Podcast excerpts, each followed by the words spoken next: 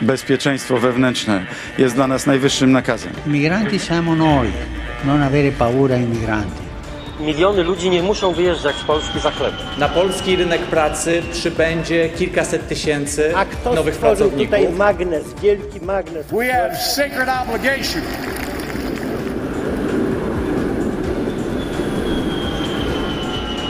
Migrostacja.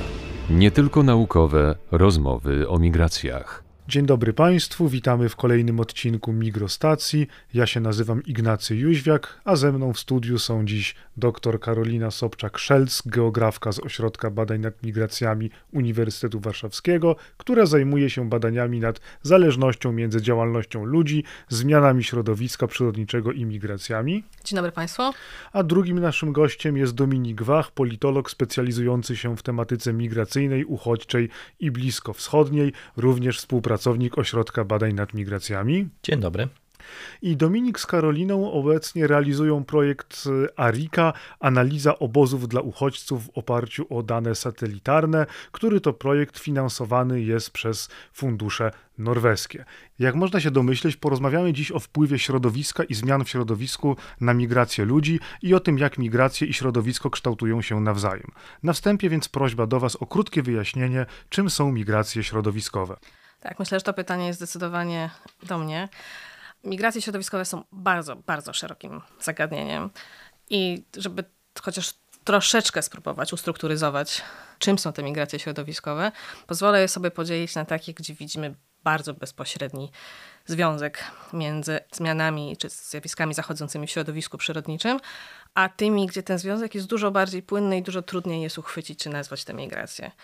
I ta pierwsza grupa, to przede wszystkim, i to jest to, co jest najbardziej chwytne, to o czym Państwo słyszą najczęściej, to są migracje, które są wywołane nagłymi zdarzeniami, nagłymi katastrofami, wszystkie trzęsienia ziemi, pożary, powodzie, gwałtowne sztormy czy, czy huragany. To są te zdarzenia, które powodują przesiedlenia na bardzo dużą skalę. I chyba tym, co najbardziej obrazuje liczbowo skalę, to jest to, że co roku od 2008 roku badana jest skala migracji środowiskowych, czy takich właśnie wysiedleń na skutek nagłych zjawisk. I co roku kilkakrotnie więcej osób jest wysiedlanych ze względu na nagłe zjawiska przyrodnicze niż na skutek konfliktów zbrojnych. I jedynie w 2021 to było ponad blisko 24 miliony ludzi nowo wysiedlonych. Przy czym ta skala jest trudniejsza do porównywania z konfliktami zbrojnymi, bo na skutek takich zjawisk, właśnie jak wspomniałam, pożary, powodzie, te migracje często nie są odległe, są bliskie, często do najbliższego bezpiecznego miejsca i nie są długotrwałe, bo w pewnym momencie przychodzi pomoc i ci ludzie po ustąpieniu powodzi, po tym jak otrzymają pomoc, starają się wrócić do no, w miarę normalnego życia, bo jednak skutki takich powodzi są powodzi czy w ogóle zdarzeń są odczuwalne przez długi czas. Dużo gorzej jest, jeżeli na skutek nie wiem, trzęsienia ziemi nie da się do takiego miejsca w ogóle wrócić, czy na skutek zanieczyszczenia gleby wskutek powodzi, czy pożaru nie da się po prostu do takiego miejsca wrócić, albo gdy takie zdarzenia powtarzają się kilkukrotnie, trauma psychiczna jest tak duża, że takie osoby są zdecydowane opuścić zupełnie ten obszar i przekwalifikować się. Chyba najbardziej wizualnym czasem opowiadam o historii z Hiszpanii, gdzie pasterz żyjący z pasterstwa miał swoje owce i kozy i wskutek pożaru jego stado wyginęło, wyemigrował do Hiszpanii, żeby zarobić na, nowe, na nową trzodę. Wrócił po kilku latach i niestety pożar się powtórzył i ponownie znaczna część jego stada zginęła. I to była dla niego już tak duża trauma, że do swojego, że zdecydował się wyemigrować na stałe, już nie wrócił. A dlaczego w tym kontekście mówimy o środowisku, a nie o klimacie? Chyba przede wszystkim to najbardziej widać na tym, jakie wymieniłam te zjawiska. I oczywiście klimat, czy klimat to jest to, że częściej zjawiska typu huragany czy pożary występują i się pojawiają, ale trzęsienia ziemi to nie jest zmiana klimatu. I też jest tak, że w, tutaj przejdziemy pewnie do tej kolejnej grupy, że zmiany klimatu powodują, czy mogą powodować zmiany w szerzej rozumianym środowisku przyrodniczym. Tutaj może dochodzi do degradacji środowiska przyrodniczego, która może mieć też związek z działalnością człowieka, czyli zwyczajne zanieczyszczenie, nadmierny wypas i, i to powodujące degradację czy niszczenie tego, co się znajduje na, na powierzchni Ziemi, co powoduje, że ludzie nie mogą tam żyć. Um, brak wody częściowo może być związany oczywiście z ograniczonymi opadami, tutaj to będzie skutek zmian klimatu, czy zmienności klimatu, czyli to, że co roku mamy w innym momencie porę deszczową, albo mamy przymrozki, co chyba jest dla nas jako w Polsce bardziej e, odczuwalne, albo mamy termiczne lato w Warszawie, jak 1 stycznia tego roku. E, To jest ta zmienność klimatu, ale wody może brakować też dlatego, że została wybudowana duża tama. No właśnie, czy jakiś przykład może na temat tych, bo ws- wspomniałaś o powodziach, tak, o, o problemach z wodą, czy o gospodarce wodnej i wpływie na, wpływie na środowisko? Takim przykładem, który badałam przez, przez dobrych kilka lat, jest tama w południowym Maroku, Mansuret Dabi, wybudowana niedaleko miasta Ouarzazate w 70 latach, czyli dosyć dawno. I pierwotnie ona miała uregulować przepływ wody w rzece, właśnie chroniąc ludzi przed powodziami. Jednak nie doszacowano tego, ile wody będzie spływało do zbiornika. I w rzeczywistości budowa tej tamy również w celach produkcji energii elektrycznej doprowadziła do tego, że oazy, które są poniżej, e, otrzymują znacznie mniej wody niż było to przed wybudowaniem tamy. I Otrzymują w sensie, że ta woda nie, nie jest dostarczana, czy, czy tej wody po prostu nie ma, bo opadły wody gruntowe? jedno i drugie. W momencie, kiedy ja zaczynałam tam badania, woda z tamy spuszczana była pięć razy w roku. Czyli systemem, to się tak ładnie nazywa, systemem tam i, i kanałów, bo to nie jest jedna tama, ale potem przy każdej oazie była wybudowana mniejsza, która pozwalała na zgromadzenie czy zatrzymanie wody chociaż na chwilę w pobliżu tej oazy i wprowadzenie jej w kanały, którymi były nawadniane pola uprawne. E, Była pięć razy i to już było niewystarczające, bo oaza powinna otrzymywać wodę siedem razy w roku. Przynajmniej tak było kalkulowane w momencie budowy tej dużej zapory. Czy to w takim razie sprawia, że te oazy stały się nie do życia, mówiąc tak kolokwialnie? Dokładnie tak, bo jeżeli zakładamy, czy wiemy, że podstawowym źródłem utrzymania ludności tam jest rolnictwo, to brak wody przekłada się na brak możliwości uprawy, na obniżenie jakości zbiorów i w konsekwencji zmniejszenie dochodu gospodarstwa. I jeżeli mamy taką szczęśliwą sytuację, że w danym regionie rozwija się turystyka, przemysł bądź inne gałęzie gospodarki, gdzie ludzie mogą znaleźć alternatywne czy inne źródła, źródła dochodu, to wszystko jest w porządku. Natomiast jeżeli jest to ostatnia oaza w Dolinie, gdzie mamy kryzys 2008 roku, arabską wiosnę, a COVID, które, turystykę, która tam kwitła jeszcze w 2004, tak naprawdę doprowadza to na skraj opłacalności. Wiele hoteli jest zamykanych, tu- turyści nie przyjeżdżają, zwłaszcza na taką skalę masową, jak to było wcześniej, to te alternatywne źródła dochodu odchodzą i nagle się okazuje, że w momencie, kiedy porównujemy spisy ludności z 94 i 2014 roku, to liczba ludności spada nam z 10 tysięcy do 5. Powiedziałaś, że te migracje czasami nie są dalekie. To trzymając się tego przykładu Maroka i budowy, budowy tamy, co się dzieje z tymi ludźmi, co oni, y, co oni konkretnie robią, dokąd jadą? Znaczy, rzeczywiście w pierwszym momencie jest tak, że poszukuje się w miarę blisko alternatywnego źródła dochodu. Natomiast z upływem czasu, z upływem rozwoju sieci, czyli mamy znajomych w innych miastach, o tej migracji myśli się coraz dalej. To są coraz dalsze miasta w Maroku. Najpierw to jest Marrakesz, potem to jest Casablanca, to jest Tanger, to jest Rabat. A, a jeżeli pojawiają się takie możliwości, to oczywiście pojawia się myślenie o tym, okej, mam możliwość, mam znajomego w Europie, jemu się udało, on ma teraz, y, kupił swoim rodzicom wielki telewizor plazmowy, albo przyjeżdża na wakacje dobrym samochodem. I to jest coś, co dodatkowo pokazuje, to ja będę próbować się dostać do, do Europy, będę próbował swojego szczęścia tam. I to jest ta sytuacja, kiedy badacze, którzy nie zajmują się bada- badaniami nad migracjami środowiskowymi, czyli relacją człowiek-środowisko, traktują tych migrantów jako ekonomicznych. Ten związek nam troszeczkę ze środowiskiem przyrodniczym ucieka. Mówią, okej, ale oni wyjeżdżają do Europy, żeby mieć pieniądze. No właśnie, to w takim razie jak to, bo dużo się, dużo się mówi, zw- zwłaszcza w takim potocznej, potocznej narracji o migrantach ekonomicznych, y, migrantach, y, migrantach zarobkowych, uchodźcach. E, Jak w takim razie te migracje środowiskowe są kwalifikowane, o ile w ogóle są? są różnie kwalifikowane. I to jest bardzo trudne do określenia. Można sobie taką wyobrazić prostą.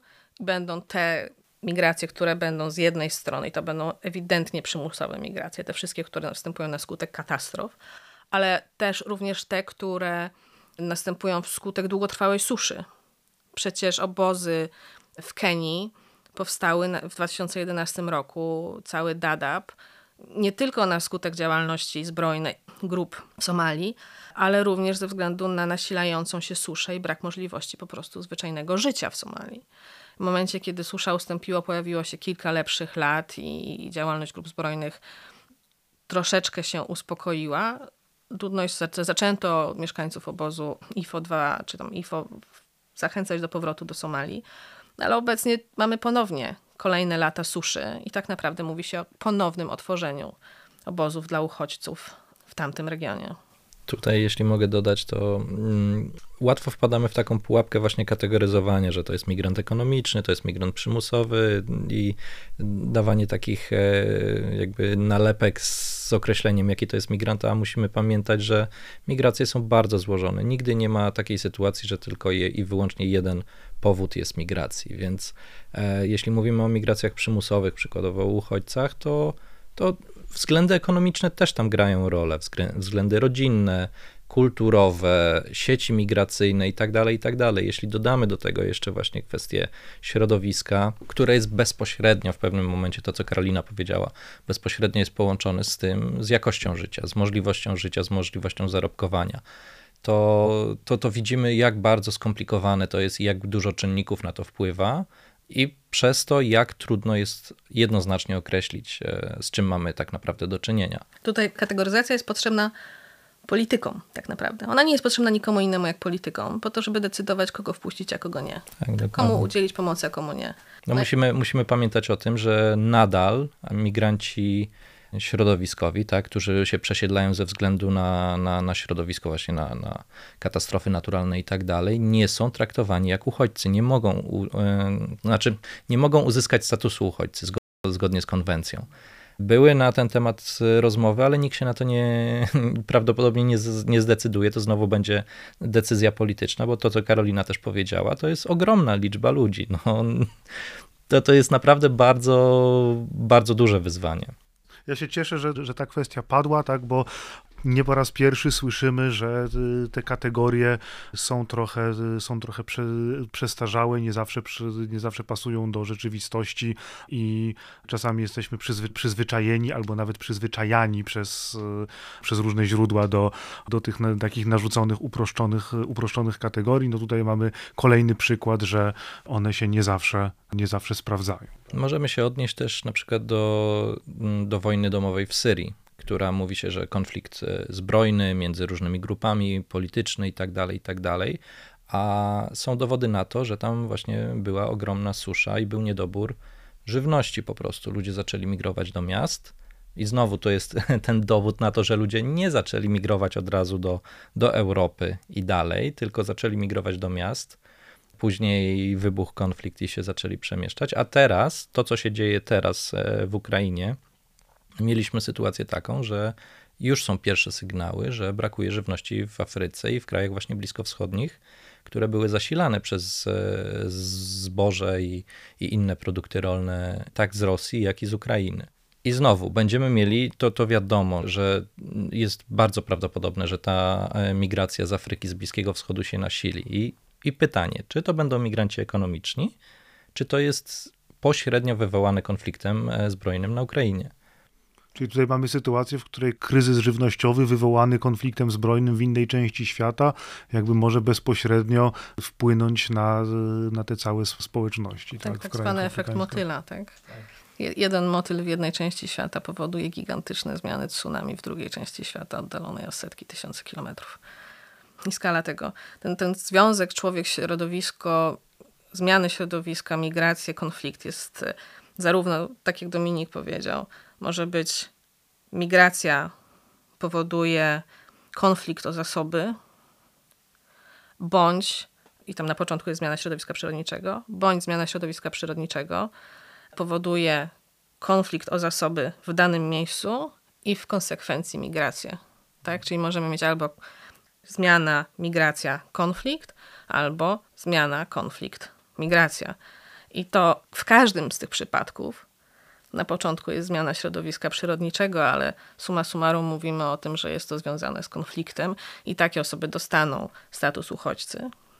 A ci, którzy uciekają przed suszą, ci, którzy uciekają, bo czy są zmuszeni do wyjazdu, dlatego że została wybudowana tama, bardzo często ze środków europejskich czy z Banku Światowego, która nie została to poprzedzone należytymi badaniami skutków takiej inwestycji. I to skutków wielowymiarowych, zarówno w środowisku przyrodniczym, ale również skutków kulturowych, skutków e, politycznych. Przecież budowa tamy w Etiopii, gigantycznej, tamy w Etiopii. To nie jest tylko kwestia tego, że w Egipcie będzie mniej wody, czy przez Sudan będzie płynęło mniej wody, ale to jest na Nilu, tak, tama. Ale to no jest właśnie, też kwestia tego, opowiedz że... może, ty, bo, bo, wspomnieliśmy o tamie w, w Maroko, e, tutaj się pojawia kolejny przykład, to jeszcze jakbyś dodała dwa zdania o samej, o samej tamie w Etiopii. Znaczy ona już powoli zaczęła być, e, ten zbiornik, który powstał na skutek tej tamy, e, ona zaczęła być, zaczął być wypełniany. Natomiast ona budziła bardzo duże kontrowersje i bardzo duży sprzeciw zarówno ze strony Egiptu, jak i Sudanu. No, niemalże tam groziło konfliktem zbrojnym, bo Egipt wybudował tamę Nasera, która zmieniła przepływ, no, ale powstał w momencie, kiedy nagle przekraczamy granicę i na największej rzece w Afryce drugiej, jednej z największych, jednej na, z największych na, na, na świecie, świecie tak? Pamiętajmy o tym. Budowany jest gigantyczny zbiornik, który nagle w, w polityce czy w decyzji państwa, innego państwa znajduje się decyzja o tym, czy dla Egiptu starczy wody, czy nie, to są skutki nie tylko na, na skalę ludności żyjącej 300 kilometrów poniżej Tamy, tak jak to jest w przypadku Maroka, ale to są skutki dla ludności żyjącej w innym kraju. To są skutki dla delty Nilu, która już w tej chwili na skutek budowy Tamy Nasera możemy zauważyć, że zachodzą procesy e- erozji czy niszczenia delty i część ludzi jest pozbawiona terenów uprawnych, czy na skutek zmiany tego, jak tam są przepływy, też infiltruje słona woda morska, zaczyna wkraczać w wody podziemne, przez co też uprawy są mniejsze. Te skutki są dużo bardziej złożone.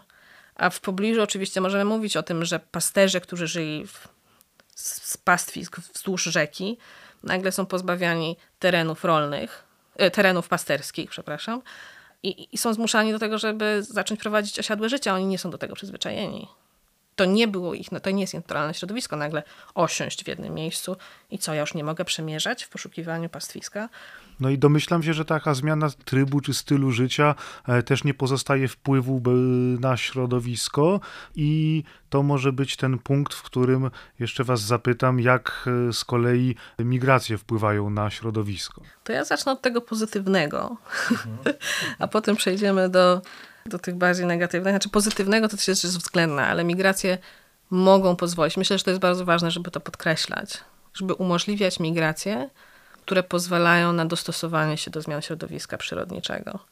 To jest z kolei przykład moich badań realizowanych w Tunezji, gdzie dzięki środkom uzyskanym na migracji czy pracy w dużych miastach czy w Europie, ludność zamieszkująca oazę El Fawar, to jest środkowo-zachodnia Tunezja, ma możliwość robienia odwiertów do wód artezyjskich czy subartezyjskich i dzięki temu uprawiać czy powiększać swoje pola czy, czy, czy gaje palmowe.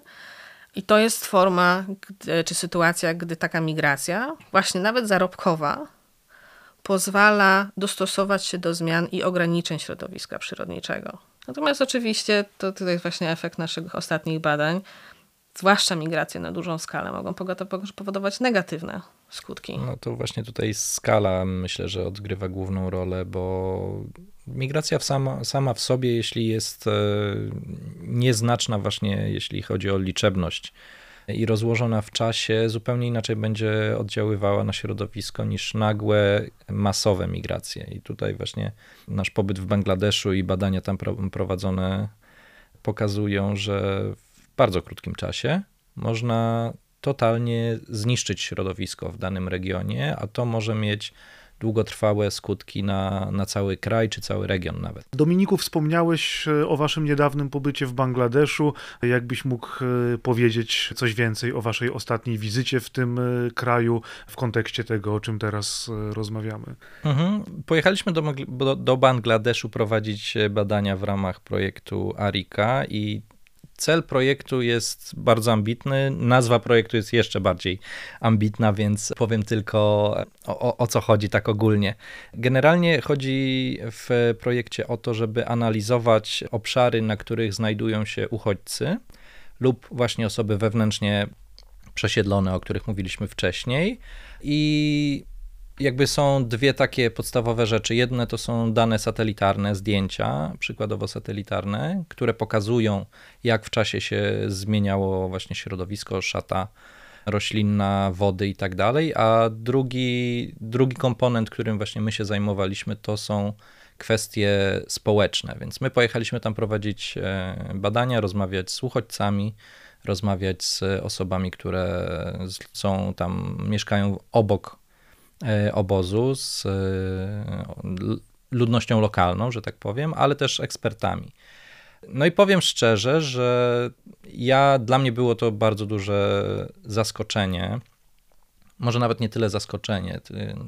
Utwierdziłem się w przekonaniu, że trzeba pojechać, zobaczyć, porozmawiać z ludźmi, żeby zrozumieć tak naprawdę, co się dzieje bo mimo, mimo tego, że przed wyjazdem naprawdę staraliśmy się jak najlepiej przygotować, przeczytać wszelkie możliwe raporty, które nam dadzą pogląd na to, co się tam dzieje, mieliśmy spotkania, rozmawialiśmy z ekspertami, to dopiero zobaczenie tego obozu właśnie, te, zobaczenie na własne oczy, jak się zmienia środowisko, jak się zmienia życie osób, które tam mieszkają od lat, od pokoleń.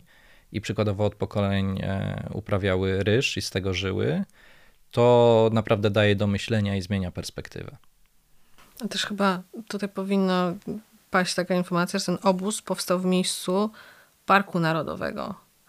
Czyli tak naprawdę skala przekształcenia tego środowiska w ciągu kilku miesięcy była ogromna, bo wycięto gigantyczne połacie dużych drzew, które stanowiły ochronę, zabezpieczały przed niszczeniem zboczy, bo to jest teren, to nie jest płaski teren, tylko w momencie, kiedy usuniemy drzewa, usuniemy krzaki, usuniemy i wybudujemy zwykłe, płaskie, tak naprawdę szałasy, bo tego chyba nie można nazwać budynkami. Tak? To, to, żeby sobie zwizualizować, to trzeba pamiętać, że te szałasy, czy te budyneczki, w których mieszkają uchodźcy, one są zrobione z bambusa, z płacht bambusa, z płacht plastiku, często postawione jeden koło drugiego.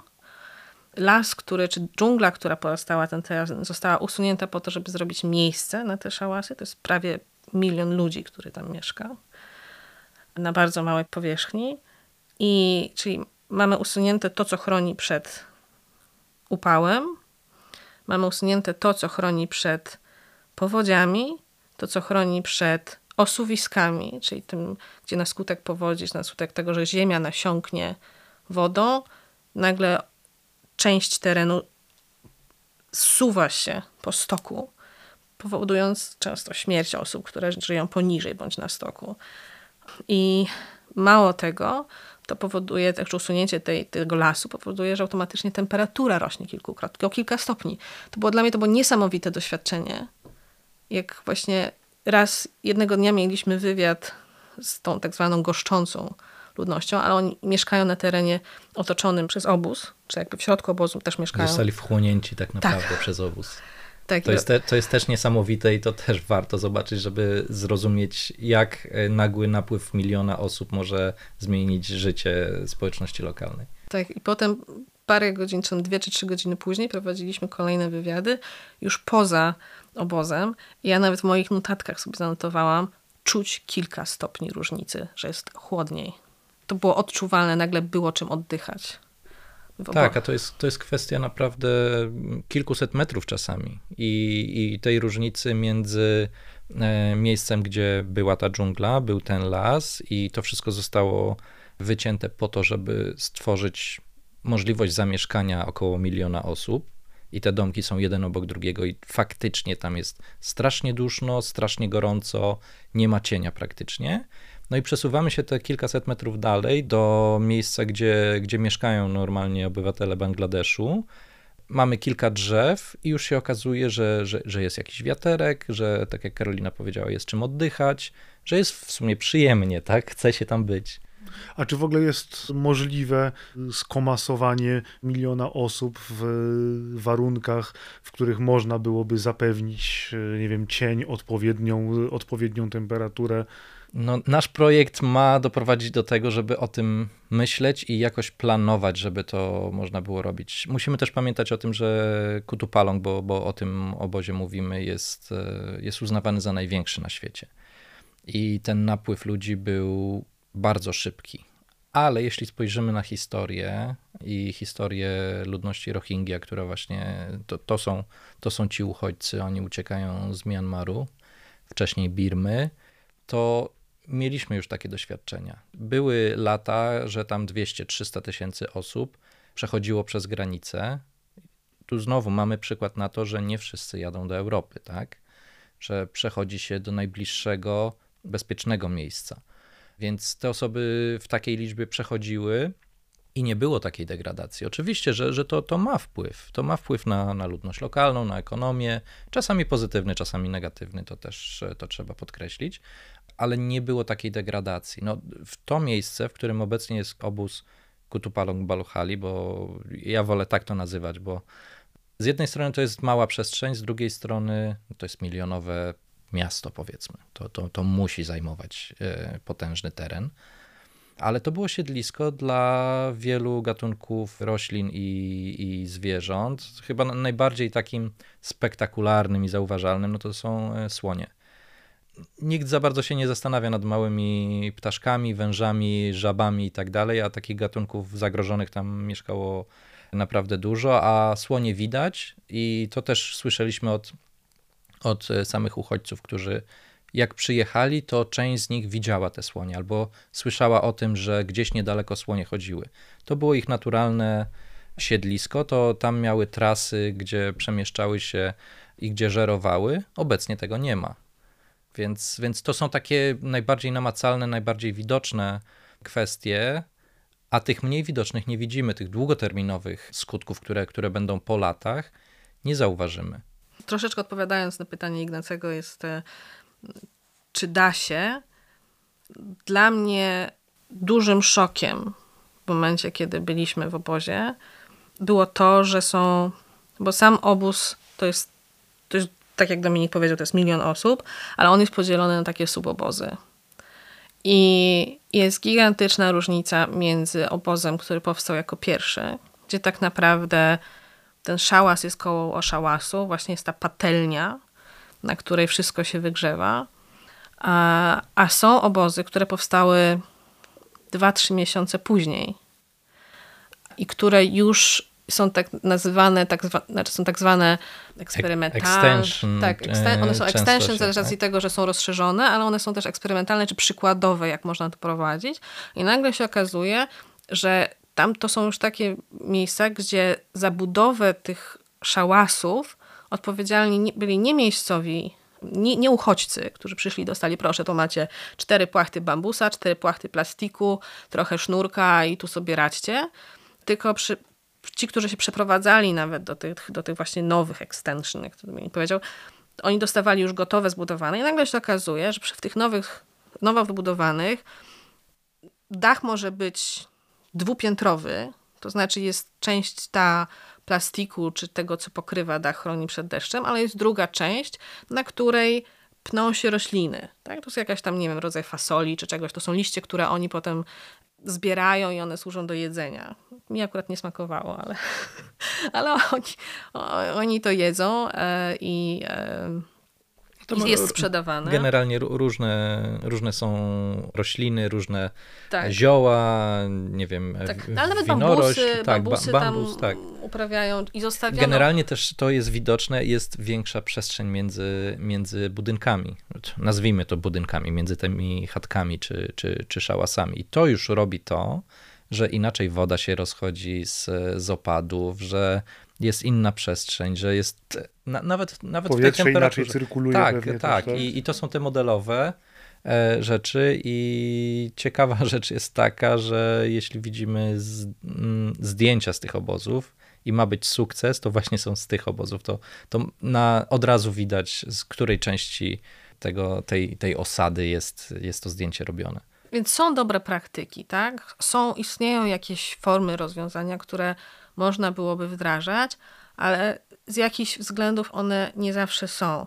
Znaczy, myślę, że tutaj są dwie rzeczy, które musimy jakby powiedzieć, że też jakby w ramach tego naszego projektu jedną rzeczą jest kwestia wypracowania tych dobrych praktyk, ale też jakby sam projekt jakby realizujemy badania w Bangladeszu i w Tanzanii te społeczne, a oprócz tego jeszcze mamy samymi zdjęciami satelitarnymi pokrywamy również e, obóz e, w Kenii, w Sudanie i w Iraku. I też mamy takie zamierzenie, żeby na podstawie, żeby dzięki temu, że w tej chwili łączymy badania społeczne z satelitarnymi w dwóch obozach, żeby te rekomendacje można było wypracować również dla tych obozów, gdzie ten dostęp dla służb społecznych, czy taki monitoring stały jest utrudniony ze względu na bezpieczeństwo, na trudny dostęp i tak dalej. Natomiast drugą rzeczą, którą myślę też Dominik to zaznaczył, że ten długofalowy skutek, bo na zdjęciach satelitarnych super widać to, że i to jest to, co na pierwszy rzut, o czym się mówi w pierwszym momencie, no taka duża akumulacja ludności doprowadziła do tego,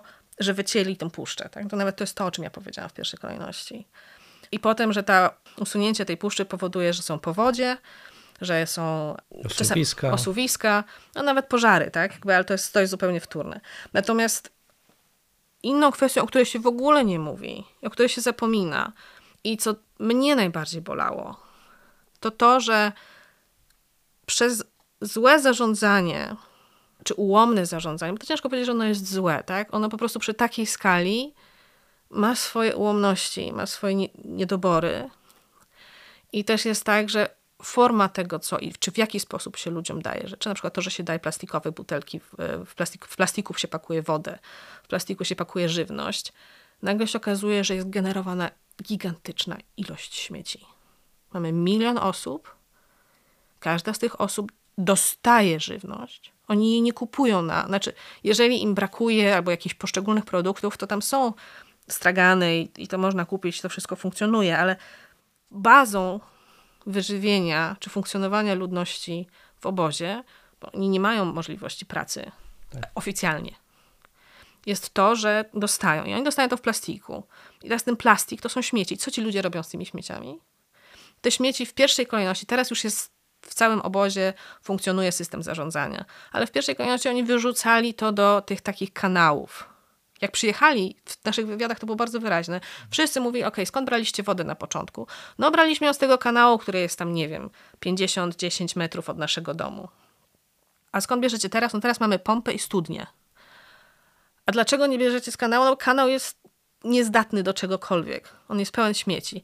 I okej, możemy się zatrzymać na granicach obozu, ale prawda jest taka, że ten kanalik łączy się z większym kanalikiem.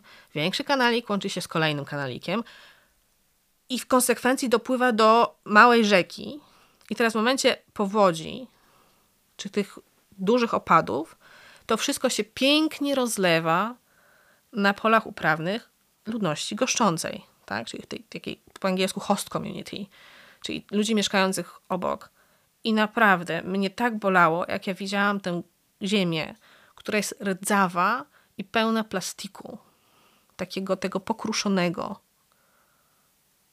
To, to boli. I to, to jest część pól, które po prostu nie wiem, czy kiedykolwiek będą zdatne do tego, żeby mogły być uprawiane. A ty powiedziałaś o takim właśnie już tym małym plastiku, który jest po prostu w ziemi i który faktycznie na, na lata zanieczyszcza, ale dla mnie też było ogromnym szokiem i ja sobie nie mogłem tego wyobrazić, mimo że słyszałem o tym, ale dopóki nie zobaczyłem, nie mogłem sobie te, tego jakoś wyobrazić, że właśnie pola uprawne, gdzie, gdzie jest y, ryż y, uprawiany, one są zasilane, te, te wylewy tych kanałów zasilają wodą te pola. I, I właśnie jedna z osób, które mieszkają tuż przy obozie, które, która miała te pola, zaprowadziła nas do, do takiego miejsca i się okazuje, że no nie wiem, jedna trzecia tego pola jest po, po prostu pokryta plastikiem. Pokryta, tam nie ma, nie widać ziemi, nie widać roślin, tam jest plastik. I to, to robi ogromne wrażenie. To, to robi gigantyczne wrażenie i dopiero uzmysławia, jak faktycznie ciężko jest. Yy, zarządzać obozem, jak ciężko jest poradzić sobie z takim, z takim problemem, bo tutaj, tutaj też nie można winić w tym momencie uchodźców tam mieszkających, bo, bo co oni mają robić z tym plastikiem? Są wprowadzane różne programy, że już właśnie eliminuje się te torebki plastikowe, które one bardzo często były wyrzucane i blokowały te kanały. Więc woda się piętrzyła, woda wylewała, woda niszczyła domostwa i, i infrastrukturę w obozie później wylewała dalej i niosła ten cały plastik na, na pola i tak dalej, i tak dalej. Więc to jest naprawdę ta sytuacja jest tak skomplikowana, tak złożona, że czego nie dotkniemy, to, to się otwiera nowy temat i, i no, nowy problematyczny temat, bardzo trudny do zagospodarowania i rozwiązania. Dlatego wydaje nam się, że no tutaj była też nagła sytuacja, tak? Tam naprawdę kilkaset tysięcy osób do miliona osób w bardzo krótkim czasie się przemieściła, ale mamy te przykłady i możemy zacząć się zastanawiać, jak planować, jak, jak planować odpowiedź. Że wiadomo, życie ludzkie i, i jakby dom, zbudowanie domostwa, schronienia jest bardzo ważne, ale może da się to zrobić z mniejszym, mniejszą degradacją środowiska. I właśnie no, nasz projekt polega na tym, żeby, żeby się nad tym zastanowić, żeby dać impuls jakiś, e, chociażby do pomyślenia nad, nad tym tematem. Co rozumiem, że jest częściową odpowiedzią na moje pytanie, czy da się zrobić to w sposób e, mniej szkodliwy dla środowiska. A tak słucham teraz o plastiku, o tych polach uprawnych i od razu sobie pomyślałem, że no jeżeli ten stan się utrzyma, no to ta miejscowa ludność, miejscowi rolnicy być może też będą musieli wyjechać, skoro ziemia się nie będzie nadawała do, do upraw, tak? Tak, to była też moja taka myśl w momencie, kiedy stamtąd wyjeżdżaliśmy. Znaczy, warto też wspomnieć... To już się dzieje. Tak, tak, to się już dzieje. Znaczy, warto wspomnieć w ogóle o tym, że Bangladesz jest takim hotspotem, jeżeli chodzi o migracje środowiskowe. Tam nie jest pytanie o to, czy będzie cyklon i czy ktoś się przesiedli, tylko ile ich będzie w tym roku i z jaką skalą uderzą i gdzie. Najlepszym dowodem, jakby takim przykładem jest to, że my dzień po tym, jak my wylecieliśmy, ja nigdy nie miałam takiego startu. Ja nie wiedziałam, czy ten samolot zawróci, czy nie. I tak strasznie długo leciał płasko. Ale dosłownie my wylecieliśmy z Daki do jakby, i dzień później przyszedł cyklon i Daka znalazła się, no może nie dosłownie pod wodą, ale ludzie brodzili tam no, kolana do, do pół uda w wodzie. Bangladesz jest gigantycznie, jest bardzo gęsto zaludnionym obszarem, więc tam i ta migracja z tych obszarów rolnych, właśnie dlatego, że to rolnictwo nie daje możliwości utrzymania, tak? czy następuje degradacja do, do miasta, jest, jest no, na skalę tego kraju jest bardzo duża. No, sama Daka liczy 20 milionów ludzi. To jest połowa ludności Polski. To jest pięciokrotność ludności Norwegii. Jeżeli mówimy tutaj o tych, tych którzy, którzy finansują nasz projekt. A, natomiast i samych procesów takie, które powodują tę migrację w Bangladeszu też jest więcej niż tylko to, że jest obóz dla uchodźców, który swoimi śmieciami powoduje, że następuje degradacja środowiska, bo można szukać bliżej wybrzeża sytuacji, gdzie rolnicy wyjeżdżają do, do dużego miasta, oddają w dzierżawę swoje poletka dużym firmom i na tych poletkach nie jest uprawiany ryż, jak było przez lata, tylko nagle duże firmy zalewają te poletka słoną wodą i robią tam plantacje, hodowlę krewetek. Po pięciu, dziesięciu latach hodowli takich krewetek, to pole nie nadaje się do niczego innego. Nikt tam nie będzie w stanie uprawiać ryżu. Czyli taki właściciel tego poletka nie ma do czego wracać. I to pole jest od niego dzierżawione i zalewane wodą słoną z morza, tak? Dokładnie Przez tak. piętrzenia. Dokładnie tak. Też jest ciekawy przykład, to, to właśnie nasi lokalni partnerzy nam e, powiedzieli, bo do budowy, tak jak Karolina powiedziała, do budowy tych schronień dla uchodźców używany jest głównie bambus. I przed powstaniem obozu, tego, tego dużego obozu w 2017, generalnie w tym regionie, Cox Bazar, ludzie używali bambusa lokalnego. Teraz się okazuje, że bambus musi być przywożony z drugiego końca kraju, bo został cały wycięty. Po prostu nie ma w całym dystrykcie, nie ma w ogóle bambusa. Jest tak duże zapotrzebowanie. Więc to też pokazuje, że zmieniają się rodzaje roślin, upraw i tak dalej, i tak dalej. W obozie są sadzone drzewa, to, to jest taki program, żeby właśnie sadzić drzewa, żeby dać trochę, trochę cienia chociażby i trochę odbudowywać tą, ten las, ale, ale to nie są drzewa, które tam pierwotnie rosły, bo one rosły długo. Te, które są sadzone, najczęściej są szybciej rosną, więc dają szybszy efekt. Ale to, to, jest, to jest zmiana całościowa, tak? Nie, nie tylko to, że wycięliśmy ten las, tylko nawet jeśli on się odrodzi, to on się odrodzi inny. Nie jest powiedziane, że te, te gatunki zwierząt, które przy, przy założeniu w ogóle, które dzisiaj się wydaje totalnie nie, nieprawdopodobne, że obóz znika, i staramy się odbudować tą naturę, która tam była. No, no... A co ze słoniami w takim razie?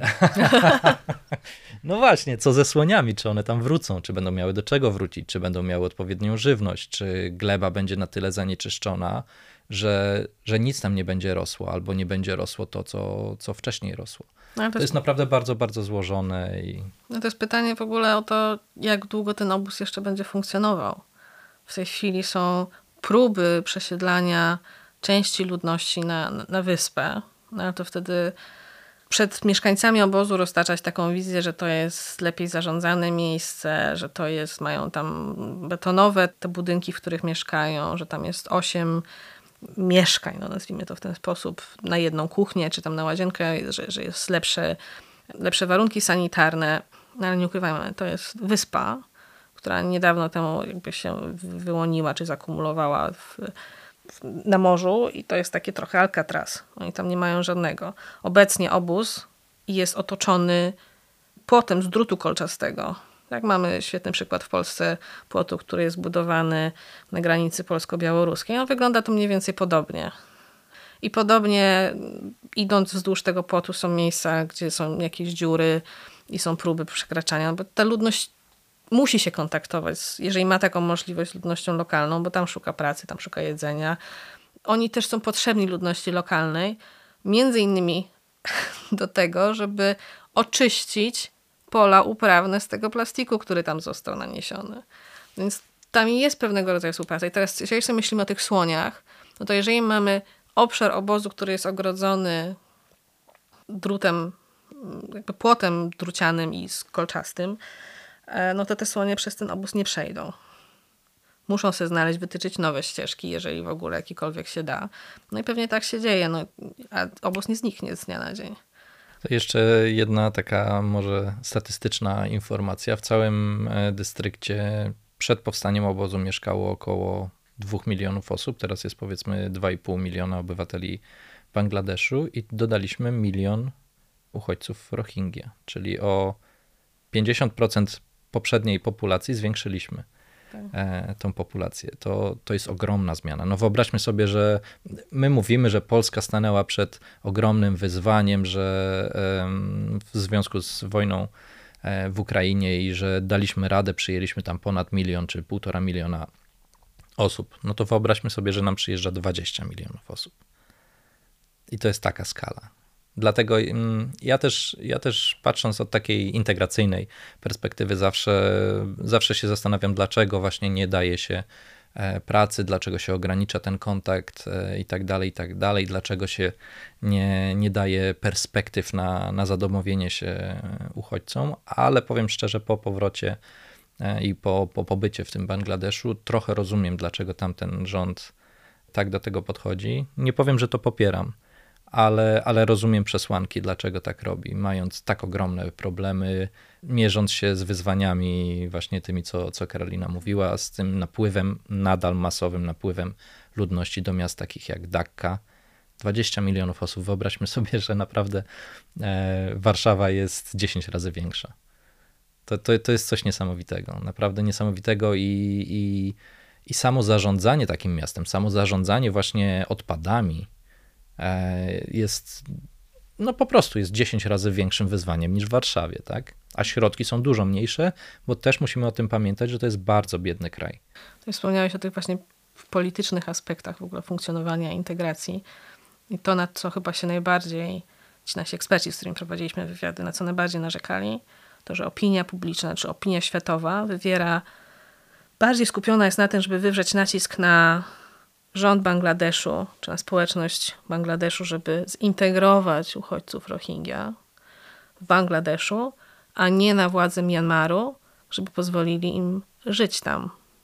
A Biden, prezydent Stanów Zjednoczonych, w jednym ze swoich przemówień powiedział, że to, co się dzieje w Myanmarze, to jest ludobójstwo. Też musimy pamiętać o tym, że obecnie w Bangladeszu mamy może nie uznanych, ale zarejestrowanych przez e, UNHCR e, około milion uchodźców Rohingya, a w Myanmie, czyli w kraju, w którym, z którego oni pochodzą, już, już jest tylko 600-700 tysięcy. I jak my byliśmy, to już też były kolejne przypadki, że armia przeprowadzała ataki i mordowała po prostu te osoby. One dalej chcą, nie chcą, one muszą wyjechać. Każdy z naszych rozmówców mówił, że chciałby wrócić do domu. Tak, ale kiedy to będzie możliwe i czy w ogóle to. Tak, no i jeszcze... też, też trzeba mieć świadomość tego, że im dłużej są poza domem, im dłużej są w obozie, tym nawet w ich mentalności, w ich psychice ta sytuacja staje się mniej tymczasowa, a bardziej stała i, i zachodzi taka zmiana w myśleniu, okej, okay, ten powrót nie będzie już możliwy, więc co dalej? I coraz więcej osób myśli o tym. Wśród naszych wywiadów to było kilka wypowiedzi, ale to pokazuje kierunek, że ta zmiana następuje. Wyjechać do Arabii Saudyjskiej, do Stanów Zjednoczonych, do Malezja. do Malezji. Tajlandia. Tajlandia. Też to nie są znowu, to nie jest Europa, to do, do Stanów czasami, ale, ale raczej, raczej mniej. Częściej to są kraje ościenne, kraje Zatoki, Zatoki Perskiej, gdzie, gdzie jest potrzebna siła robocza, po prostu ewentualnie Australia, ale to już jest, to już jest dalej. Głównie to jest Malezja, tak? Malezja, Arabia Saudyjska. To jest akurat bardzo, bardzo ważne, bo też, bo często w Polsce i w ogóle w Europie e, koncentrujemy się na naszym kontynencie, jeżeli chodzi o migrację i uchodźstwo, zapominając o tym, że w innych częściach świata te zjawiska też występują i bardzo często nawet na większą skalę niż ta nam znana. A to, co jeszcze tutaj się przewijało w naszej rozmowie, to jest dostęp do zasobów, czy problemy w dostępie do, do zasobów, takich jak woda i nie tylko. Czy moglibyście jeszcze coś na ten temat powiedzieć, tak? Z czego, z czego w ogóle wynikają problemy z dostępem do, do zasobów, jak one się kształtują? W Bangladeszu to takim chyba najbardziej, no poza tym, że ludzie zostali pozbawieni terenów, na których mieli swoje pola prawne jeżeli mamy gęsto zaludniony obszar, no to automatycznie powierzchnia, z której gospodarstwo czerpie dochody, się zmniejsza, co się przekłada na to, że ma mniejsze dochody. Albo ma dodatkowe źródło utrzymania, albo nie.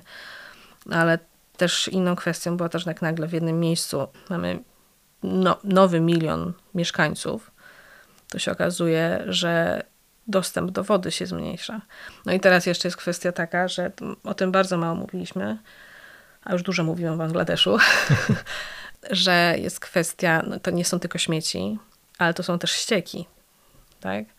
I jeżeli nie ma odpowiedniego systemu odprowadzania nieczystości, to to wsiąka i to przenika i to zanieczyszcza wody gruntowe, które były źródłem, z których miejscowa ludność czerpała wodę do picia.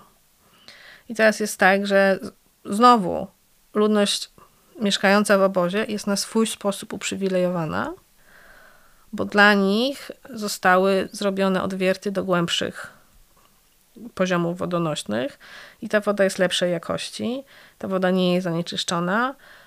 Nie wiem, nie pamiętam, czy tę wodę w jakikolwiek sposób badają. Organizacje, WASH i tak dalej, ale Chyba to jest punktowo robione, to nie jest, nie jest systematyczne, ale, ale to co mówisz, no, na, nawet jeśli założymy, że jest takie samo korzystanie z wody, że nikt tutaj nie jest e, uprzywilejowany, to jeśli mamy nową, nowy milion osób, to ta presja na wody, presja na zasoby, jakiekolwiek zasoby jest tak ogromna, że automatycznie ich zaczyna brakować. Nie ma innej opcji, po prostu to jest wiadome, że jeśli w bardzo krótkim czasie będziemy mieli bardzo duży napływ ludności, to wszystkie zasoby zaczną się kurczyć. I to co, to, co wcześniej powiedziałeś, co jest właśnie takie trochę, trochę właśnie wpływa na kwestie integracyjne i możliwości życia, planowania przyszłości, ten cały system, gdzie te osoby muszą mieszkać w jednym miejscu, są skoncentrowane w tym jednym miejscu, gdzie dostarcza im się jakby podstawowe rzeczy typu teraz to, to jest gaz do, do gotowania, jakieś podstawowe jedzenie i tak dalej, i tak dalej, no to też nie jest dobre rozwiązanie. To jest dobre rozwiązanie, jeśli mówimy o pomocy humanitarnej, która jest krótkoterminowa. Ale ten obóz powstał w połowie, powiedzmy, 2017 roku. No to już mamy ładnych parę lat, gdzie trzeba naprawdę zacząć się zastanawiać nad przyszłością.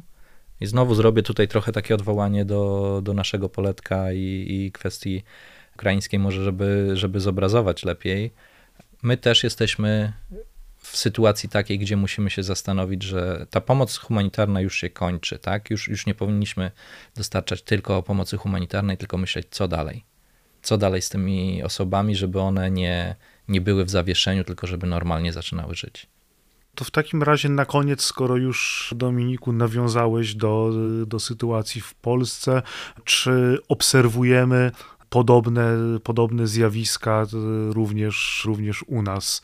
Mam tutaj na myśli właśnie środowisko i to, jak one się kształtują, jak się kształtują relacje środowiska, migracje, czy to na nas wpływa? Oczywiście, że ono jest dużo mniej widoczne to, to jest wszystko dużo mniej widoczne i na mniejszą skalę. To nie da się tego porównać z Bangladeszem, ale też jest tak, że te przyczyny są troszeczkę inne. Ja nie robię badań w Polsce, ale w Polsce spędzam wakacje w różnych miejscach.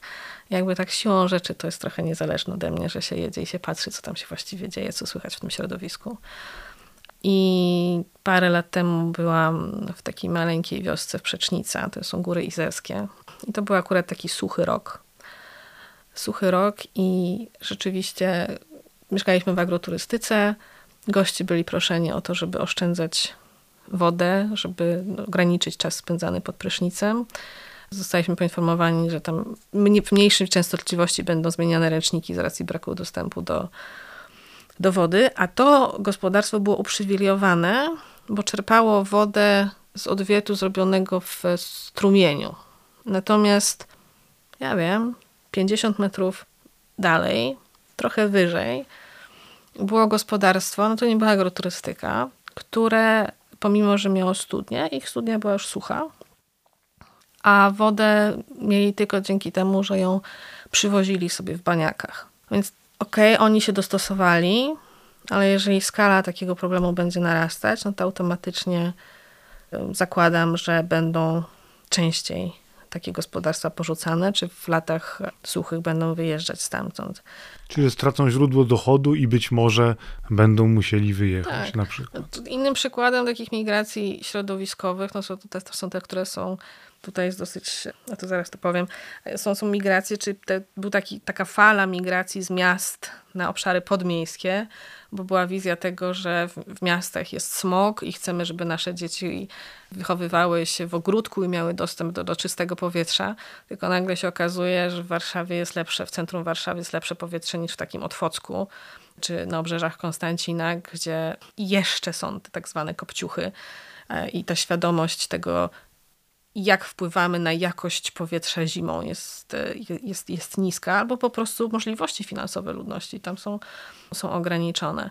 W Polsce no, takim najbardziej widocznym wydarzeniem no, to jest powódź z 97 roku i potem z 2000 któregoś, gdzie rzeczywiście część terenów została zalana i, i ludzie stracili część swoich, swojego dobytku ale wielokrotnie jest to kwestia też błędnego planowania przestrzennego, z którym mamy do czynienia w Polsce, bo to nie jest oczywiste. Wcześniej nigdy tego nie było, żeby ludzie budowali się na terenach zalewowych. Po prostu wiadomo było, że co ileś tam lat rzeka wylewa.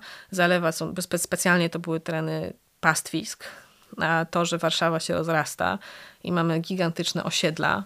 No ja z okien akurat widzę, bo mieszkam w starych blokach, które właśnie nie były na terenach zalewowych, ale tuż przy i widzę, co się dzieje, gdzie, gdzie były tereny zielone, gdzie były dziki, sobie biegały i tak dalej, a teraz są osiedla, no i właśnie na, w ogródkach działkowych na przykład ludzie się dziwią, że dziki przychodzą. No, my mamy dziki, w Bangladeszu są słonie, tak? tak porównując, ale jakby z drugiej strony podchodząc do, do tego, o, o, co, o co pytałeś, no my nie mamy wielkich obozów dla uchodźców, tak? Ta, ta duża liczba osób e, z Ukrainy, które przyjechały do nas, nie zostały skoncentrowane w jednym miejscu i nie, nie było szans na to, żeby zdegradowały, czy, czy, czy prze, przez to, że tam się osiedliły, żeby zostało zdegradowane środowisko. To, to się jakby rozlało po całym kraju i super, i świetnie. Właśnie to jest też jedno, jedno z rozwiązań, żeby nie koncentrować tych ludzi, tylko dać im w miarę swobodnie się przemieszczać i wybierać miejsce, gdzie mogą się osiedlić.